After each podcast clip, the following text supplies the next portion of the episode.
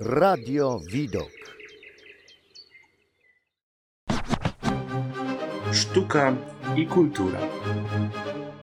Witam wszystkich słuchaczy w cyklu audycji z serii Głos Folkloru. Z tej strony Weronika.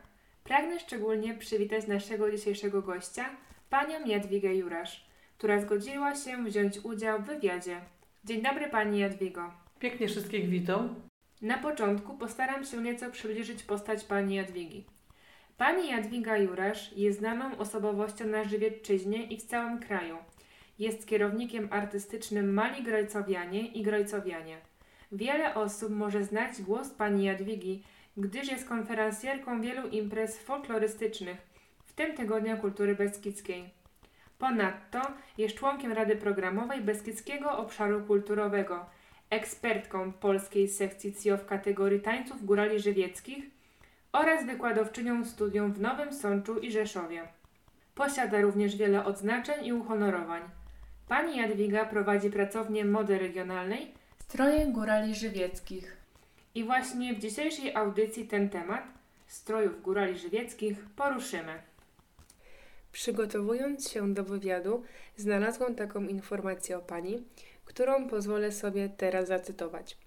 Mimo, że urodziła się na wsi w Wieprzu, nie przypuszczała, że folklor stanie się jej sposobem na życie i największą zarazem pasją. Jak zaczęła się Pani przygoda z folklorem? tak, tak. Ja zawsze myślałam, że będę nauczycielką. Tak, chciałam być nauczycielką. No i co? No i spełniło się. To nie są ławki w klasie, to nie jest szkoła, ale uczę tańczyć. Przygoda z folklorem?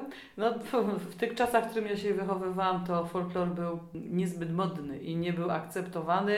To było tak, taki trochę wstyd, nie? Tam ktoś mówi gwarom albo tam ubrał strój góralski czy coś. To takie było dziwne, nie? Bo to już nie było modne, to były lata 70., gdzie no wszyscy w miasto szli. Ja pamiętam, że tylko do sypania kwiatków mi raz pożyczyli strój, on mi się bardzo podobał, to był taki krakowski, ale zaraz mi go zabrali, bo ktoś tam już potrzebował, no i także to, to była taka malutka przygoda. I dopiero w średniej szkole po prostu poszłam do technikum przemysłu drzewnego, uczyć, kontynuować swoją naukę po szkole podstawowej i właśnie, ale już mi się coś tam podobało, bo kuzynka tańczyła w zespole Jodły, która tam uczyła się w tej szkole.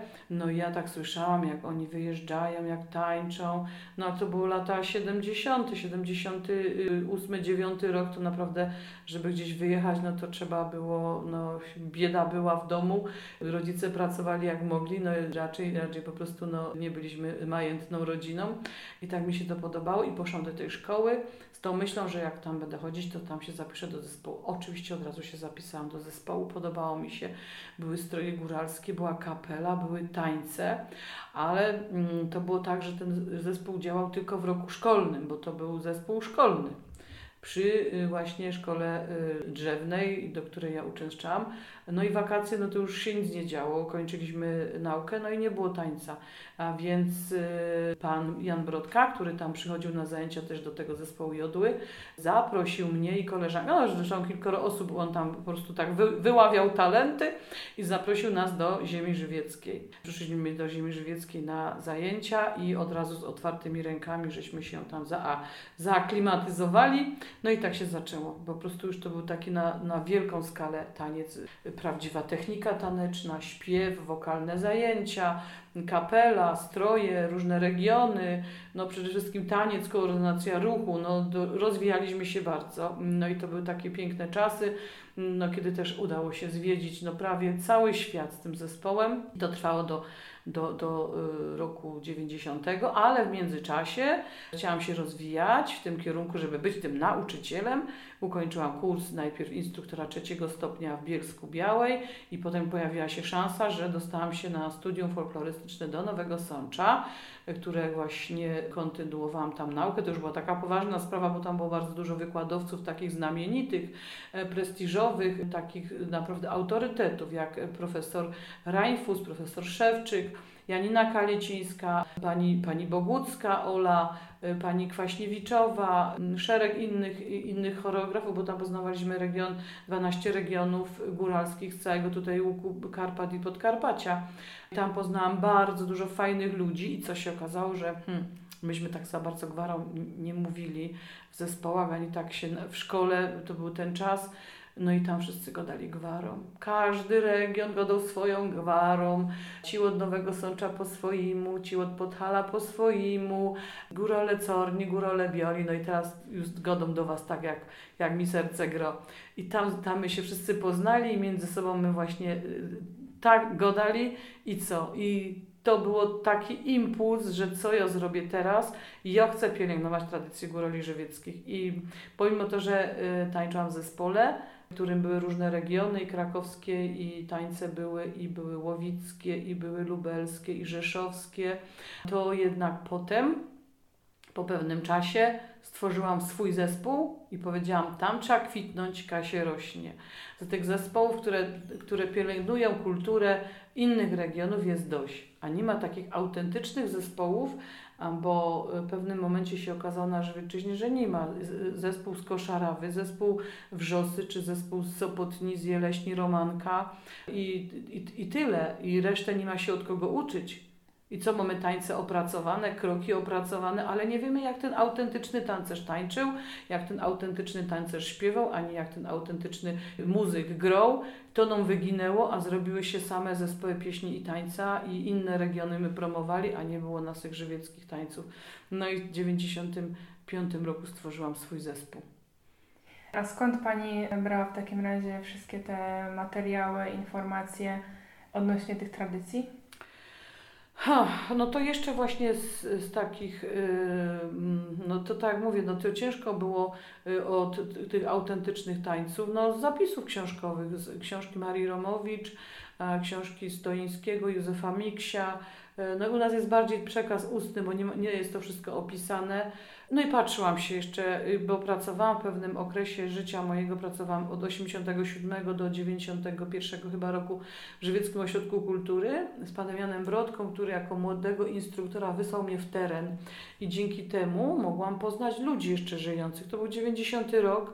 E, to już był koniec tych naszych y, y, autentycznych muzykantów i przejechałam cały powiat żywiecki autobusem, bo nie było samochodów wtedy, więc to było bardzo czasochłonne i robiłam wywiady z kierownikami zespołów, z tancerzami jeszcze, opowiadali mi swoje historie i dzięki temu w ogóle to mi się bardzo przydało w moim życiu późniejszym, bo poszłam uczyć się w tym studium folklorystycznym w Nowym Sączu, już miałam pewną taką bazę, a potem jako konferencjer miałam już otwarte drzwi, bo już po prostu wiedziałam, o kim ja mówię w ogóle.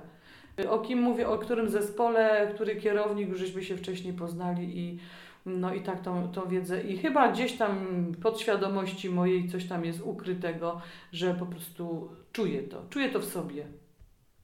Jak Pani wcześniej wspomniała, szła Pani na studium i jako jedyna Pani nie umiała mówić gwarzy. Czy to właśnie wynikało, że w naszym regionie był taki wstyd, a w innych nie? Z czego to mogło y, wynikać? No to nie tak, że nie umiałam, bo umiałam, bo myśmy w domu godali, godalimy tak, nie? Godalimy tak po swoim, może nie do końca taką gwarą, ale godalimy tak wAłpie.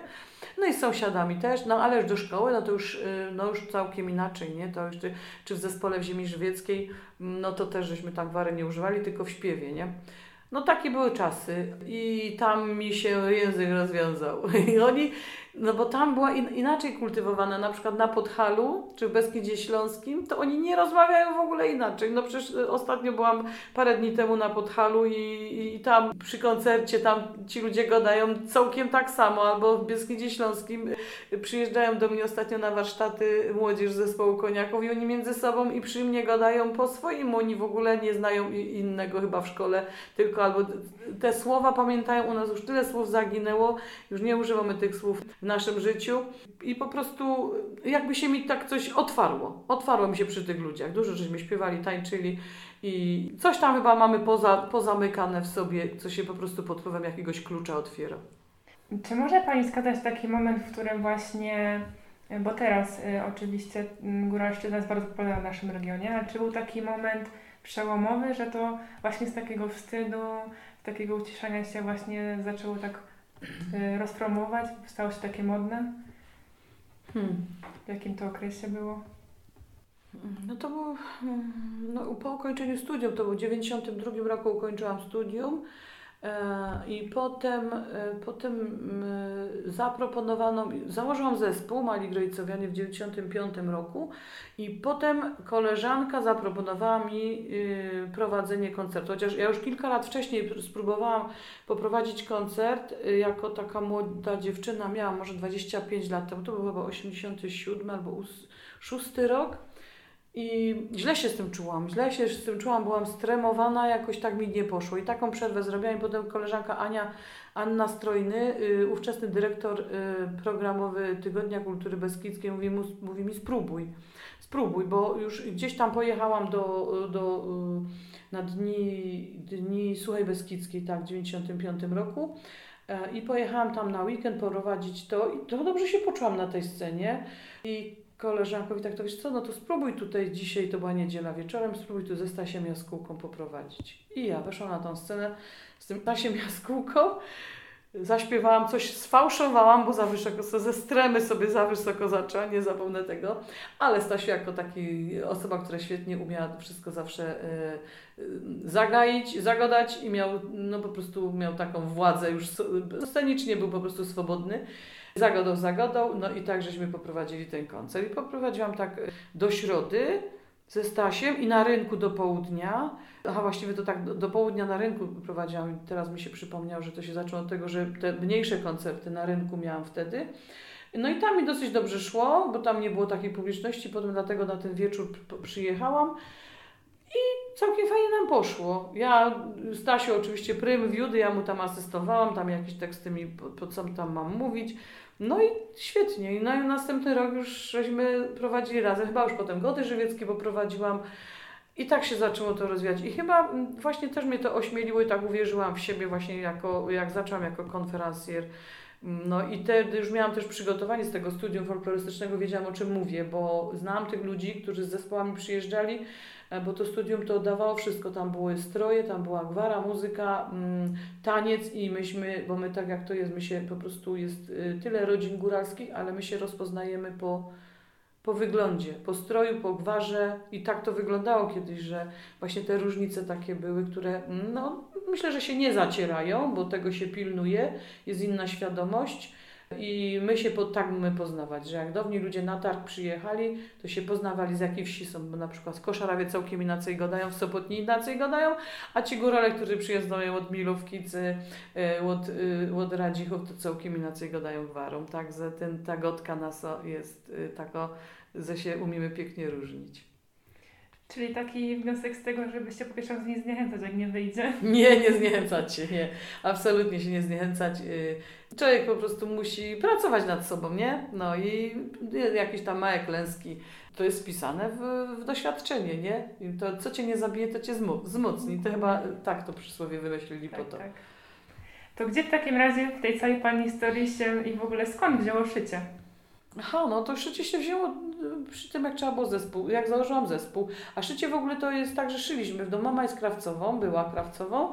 No i myśmy sobie szyły najpierw lalką ubranka, tam z resztek, co mama tam kroiła. Mama nam nigdy nie miała czasu pokazać, bo ona pracowała, miała czwórkę dzieci, była krawcową, szyła w dzień i szyła w nocy. E, no i chyba tego miała dosyć. To myśmy ją podglądały i szyłyśmy lalką ubranka, a potem jako w średniej szkole w ogóle w sklepach nic nie było w tych czasach, w których ja dorastałam. To był 79 do 84 rok.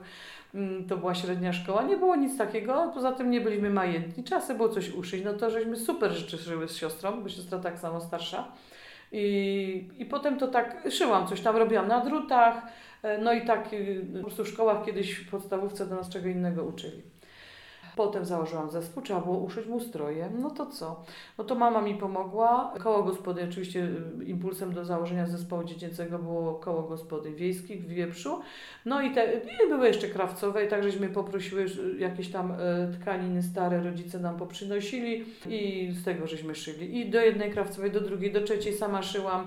A wiedziałam, jak to wygląda, bo miałam już y, wiedzę na ten temat, jak to w zespołach, jakie stroje są i były atlasy strojów Także miałam wiedzę, zaczęliśmy się po prostu ubierać pomału. No i jak zaczęliśmy szyć stroje, to tak za chwilę tam mm, Ktoś jeden chciał, to weź, że mi uszyj, następny uszyj mi i tak po trzech latach, w 98 roku założyłam swoją firmę. Także ta firma jest od 98 roku y, zarejestrowana. Mm, W ogóle firma jest, to jest agencja artystyczna Jadwiga z, z pracownią stroju regionalnego.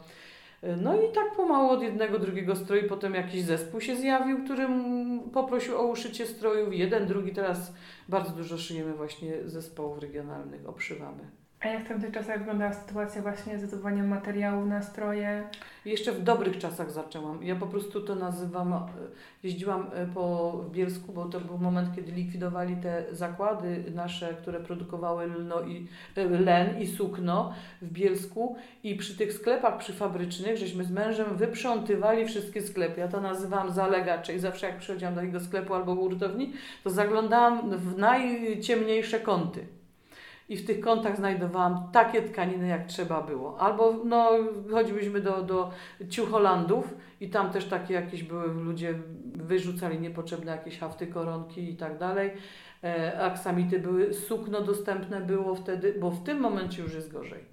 Jak jeszcze można kretony nabyć i siwizny i tkaniny takie, e, takie drukowane, bo sprowadzamy to z Czech i ze, w Czechach i na Słowacji, to y, jest już lnu, nie ma i nie ma sukna góralskiego. Jeszcze w tych czasach, jak ja zaczęłam y, szyć stroje, to pan Stasiu Rączka w Pieczykowicach produkował sukno na y, warsztacie tkackim, swoim takim, no niestety pan Stasiu, no to od 2000, wcześniej jeszcze chyba, y, 90, no od 98 roku, najpierw kupiłam sukno na spodnie w Czechowicach, było tak strasznie grube, że chłopcy nie chcieli w tym tańczyć moi. Dzisiaj te spodnie jeszcze tu są i nikt nie chce w takich spodniach tańczyć grubych, więc potem pan Stasiu uratował nas i produkował do, no nie wiem, do, do, do, do, do 2019 roku, 2020 jeszcze produkował te, to sukno, także przez te 20 lat, 22 lata,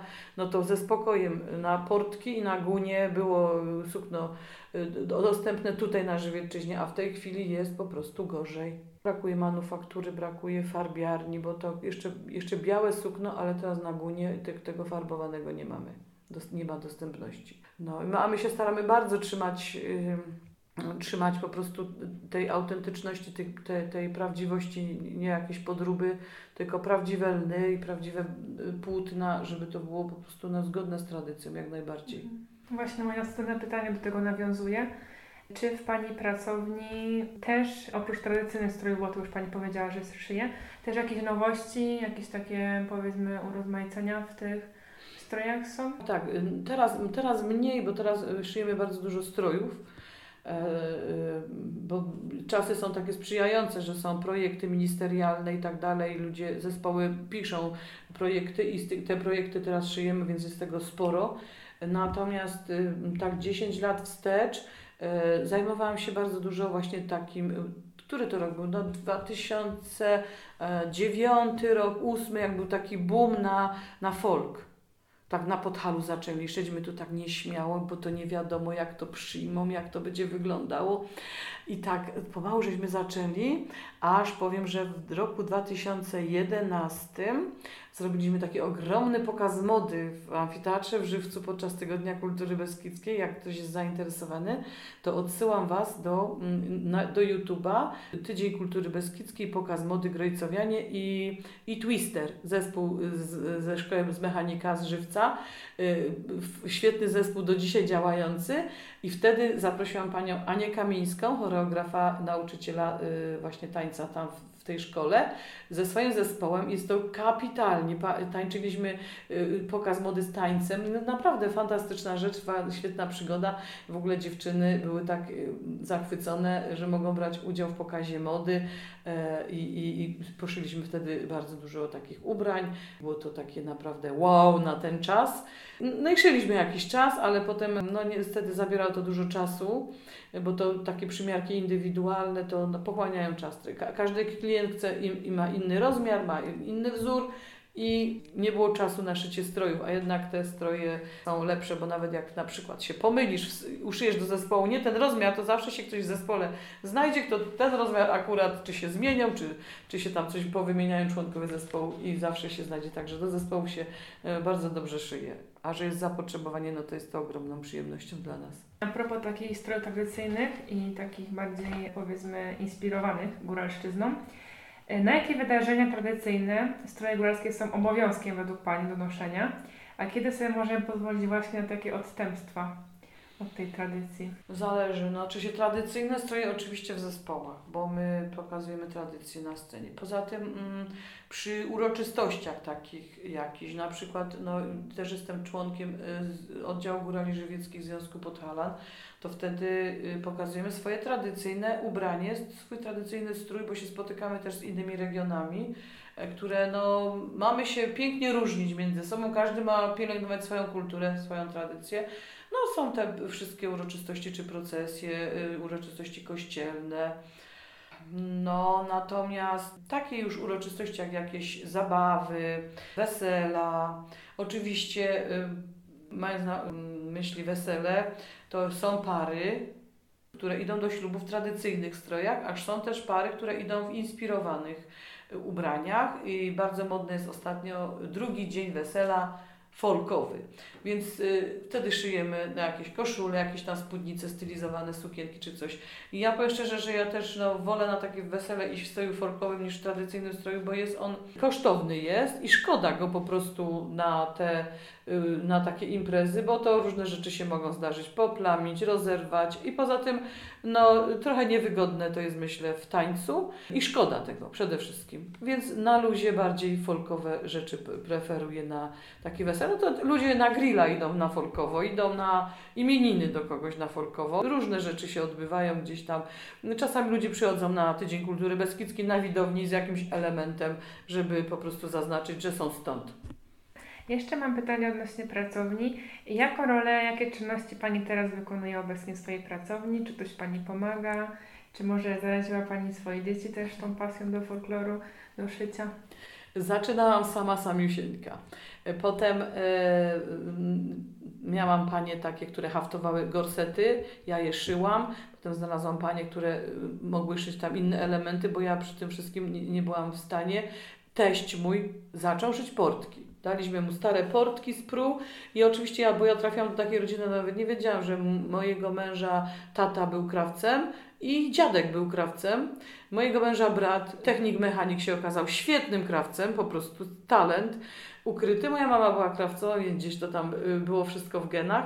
I tak żeśmy pomaleńku zaczęli, taką, tak rodzin, rodzinnie. I, I po tym, jak teść już tam podupadł na zdrowiu, to mąż przejął szycie portek i guń, czyli takie twarde męskie rzeczy. Y, szwagier świetnie szyje właśnie takie brucliki i takie też męskie rzeczy otrzyma, bo do tego musi być taka chłopska ręka. No i co? I, po, i szyłam jako menadżer, jako zarządzający, więc bo cała masa tego jest, bo tu musisz temu na czas zawieść koszulę do szycia, temu hafty, temu coś tam, bo wiadomo, że tego sama nie byłam w stanie w ogóle robić. Jakbym sama robiła, to bym, to bym jeden może komplet na miesiąc zrobiła, a tak to się znaleźli, znalazły osoby, które jeszcze rękodzieło tworzą, robią i są zdolne. No i teraz w obecnej chwili zaraziłam córkę, córkę najstarszą, która miała być lutnikiem i poszła do szkoły lutniczej, do Liceum Sztuk Plastycznych imieniem Kenara do Zakopanego. Skończyła tą szkołę, świetnie tam też miała fajny, fajny czas, bo miała tam świetnych instruktorów muzycznych, gry na skrzypcach, więc tam się trochę podszkoliła. Poszła na studia do Poznania na lutnictwo, ale stwierdziła, że to jednak nie jest dla niej. Mamo, to niech se robią chłopy, a ja chyba pójdę szyć. I Sabina skończyła krakowskie szkoły artystyczne o kierunku projektowanie odzieży. No i też tam bardzo wiele się nauczyła. się okazuje, że ma talent po babci i po dziadku, po pradziadku i po chrzestnym swoim. No i Sabina świetnie się wywiązuje, y, przejęła właściwie teraz zarządzanie też Mamy świetną pracownię też dzięki, dzięki takiemu, takiej dotacji, też własnym, własnym, własnymi siłami taką dotację również córka dostała. No i teraz Sabina właściwie zarządza i, i przejmuje. Moja rola teraz jest taka, że pomagam jej w szyciu i przede wszystkim gorsety. Gorsety damskie, te rzeczy wszystkie to są w mojej, w mojej gestii, a jest tego sporo. I Sabina się zajmuje też szyciem, haftem białym, y, no i, i zarządzaniem firmą, promocją. A jakie były początki w ogóle pracowni? W jakich warunkach się to wszystko odbywało? Jak to się zmieniało z czasem? Tak, ja zaczynałam szyć w kuchni, to była dopiero manufaktura. O matko, potem żeśmy sobie wyremontowali pomieszczenia w piwnicy. O, to już było fajnie, bo już domu było czysto. No bo to było tak, tu zupa się gotuje, a tu aksamit się sypie i to w ogóle nie do ogarnięcia. Po prostu tkaniny, y, nitki i w ogóle jak moja mama szyła, to ja myślę, że matko święta, kiedy te nitki się skończą, kiedy ten kurz z tego szycia, a tu potem przeszło na mnie. Sama tak, tak samo w kuchni dzieci były małe, no ale widzicie, że da się, no po prostu się da wszystko robić. No taka jest droga do przejścia. Potem już y, ten, a dzieci rosną i wszystko fajnie. Y, w piwnicy, no w piwnicy było y, no trochę ciasno i potem córka przejęła i, i, i wymyśliliśmy, mamy świetny budynek obok. Teraz mamy piękną pracownię z galerią, takie małe muzeum, dużą, przestronną, jasną i mamy tam miejsca, możemy drzwi zamknąć, nie posprzątać, iść do domu, w domu czysto i po prostu tak się kręci. W takim razie zachęcamy do odwiedzenia Pani pracowni przy Wędzy, tak? Serdecznie zapraszamy, y, zawsze chętnie przyjmujemy, każdemu klientowi doradzimy, ustalimy co potrzebuje. Ja sama doświadczenia polecam serdecznie, już dwa razy byłam u Pani Jadwigi. Tak, z całym rodzeństwem, tak, udało się, udało się wszystko, także y, serdecznie zapraszamy. To jeszcze mam pytanie e, odnośnie świadomości ludzi. Jak się kształtowała świadomość ludzi na temat stroju właśnie od tamtych trochę dawniejszych czasów, w których Pani zaczynała? Jak ta świadomość ludzi wyglądała o strojach? W, w momencie, kiedy ja zaczynałam y, no, też nie znałam stroju. W ogóle w zespole poznałam mm, elementy stroju góralskiego w Jodłach, potem ziemi żywieckiej, a, a bardzo dużo zawdzięczam panu Jankowi Gąsiorkowi, który jest tutaj świetnym fachowcem, badaczem strojów regionalnych, no i pod jego okiem też się y, dokształcałam, a pan Janek jest bardzo surowym nauczycielem i nieraz tam dostałam po uszach za jakieś błędy wykonawcze, czy w stroju, czy w kolorze, ale bardzo mu jestem za to wdzięczna, a dzisiaj mną straszą ludzi, poczekaj jak Jadzia zobaczy, zawsze było, co, co, co pan Gąsiorek powie na to, poczekaj. A dzisiaj jest, poczekaj, jak Jadzia to zobaczy.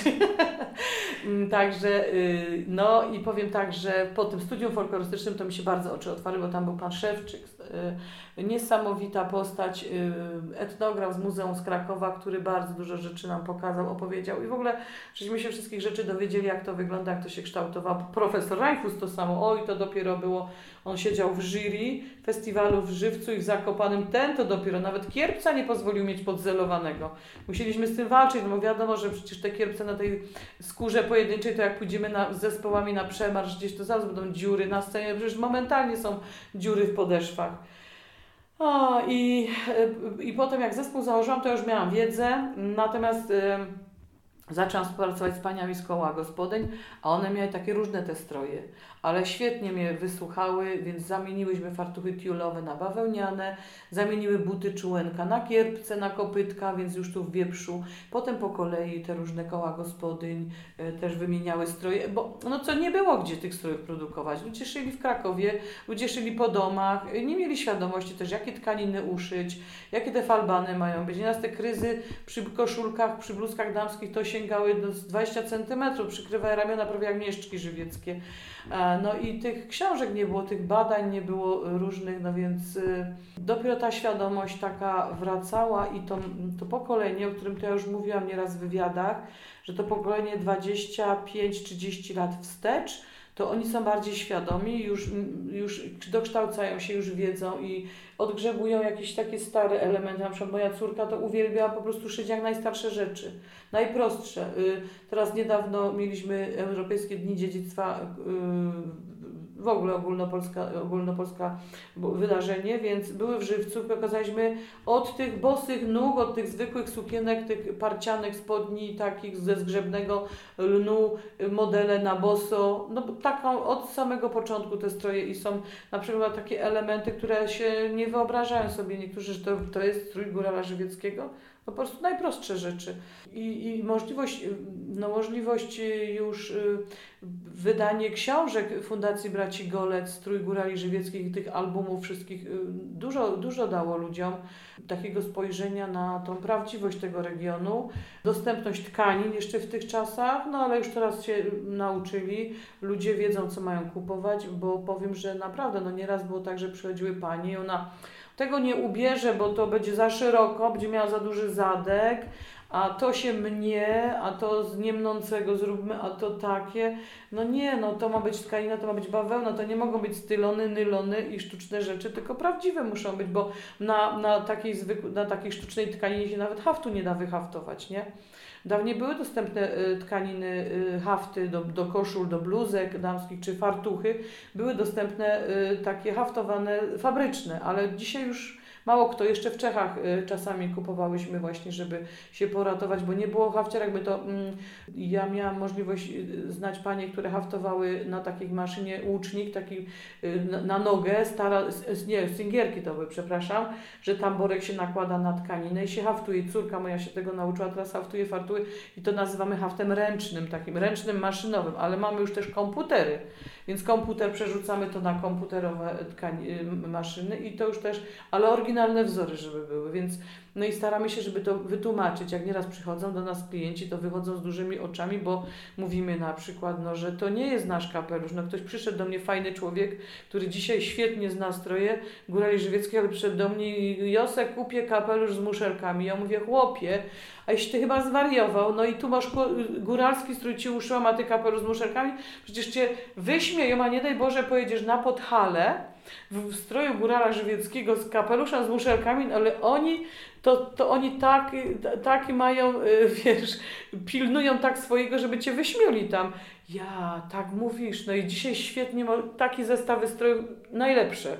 Tak samo jak um, wspominałam już nieraz, że chłopcy przyjechali do mnie i oni chcą spodnie, żeby mieli parzenice i te ozdoby męskie na rzepy.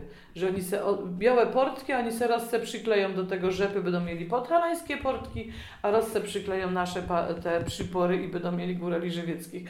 Albo przyjechał kiedyś do mnie klient i miał w przyporach y, na dole, przy spodniach, przy rozcięciach i przy rozporku, w tym przyporze y, tutaj u góry miał wszyty zamek błyskawiczny, krawcowa mu przyszyła, a do mnie przyjechał to tylko wyhaftować. Jak ja to zobaczyłam, ja użyłam wtedy niecenzuralnego słowa, bo ja po prostu się zagotowałam.